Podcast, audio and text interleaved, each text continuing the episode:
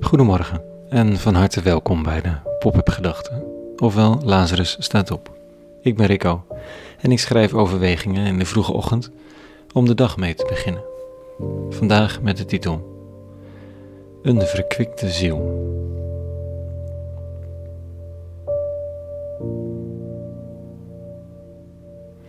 Ja, dat willen we allemaal wel, hè? Een verkwikte ziel. Het is zo'n lekker woordje ook, verkwikt. Het klinkt als kwiek en fit en licht en vrolijk. Niet groots en meeslepend per se, niet zwaar en onhandig. Lichtvoetig en huppelend, als mijn dochter van vijf, die alleen maar loopt als ze moe is.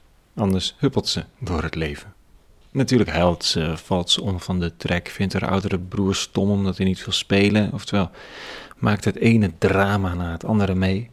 Maar tussendoor, als dat even niet het geval is, dan huppelt ze, als een verkwikte ziel.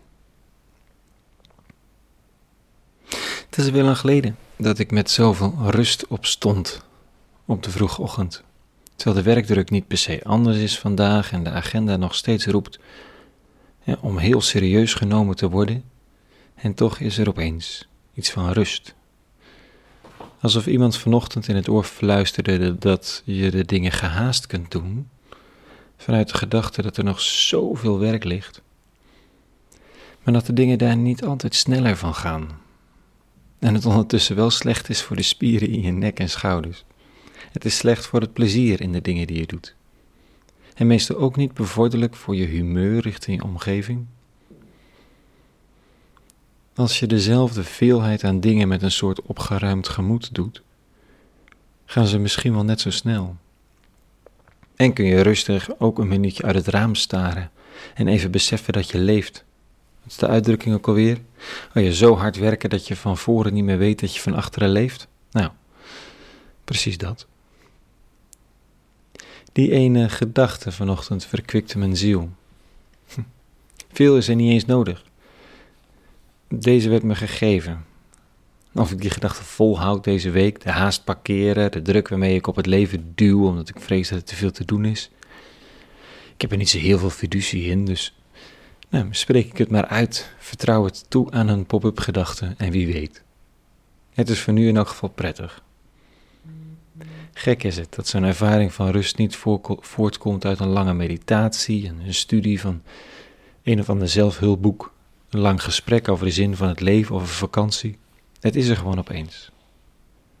En het is verkwikkend. Oh, en het matcht met een van de lezingen van de dag. Een van de Bijbelteksten die vandaag in de katholieke kerken en kloosters over heel de wereld gelezen zullen worden. Ik hoop dat de toevallige passant en de toegewijde monnik eenzelfde lichtstraaltje door die lezing heen zullen voelen schijnen. Dit staat u. De eeuwige is voor ons een vesting en toevlucht, een machtige hulp in nood. Zo zijn we niet bang, al kantelt de aarde, al vallen de bergen in zee. Een klaterend beekje verkwikt Gods stad, het heilig verblijf van de Allerhoogste. Die stad staat onwrikbaar, want God is daar binnen. God staat daar terzij als de dag begint. Even los van de vraag of je in de eeuwige gelooft, wat je van de eeuwige gelooft. Het gevoel dat opstijgt uit deze teksten. Het beeld dat aan je probeert te appelleren. Het gaat over een klaterend beekje dat het opneemt tegen kantelende aardes, bergen die in zee vallen, de hele boel die in elkaar dondert dat dit allemaal kan gebeuren, maar dat er tussendoor een stroompje sijpelt, wat de ziel verkwikt. Het is niet zo dat het hoe dan ook met ons misgaat als alles misgaat. En het is niet zo dat de eeuwige heus voorkomt dat alles misgaat. Als alles misgaat, zijpelt er een klaterend beekje tussen alles door.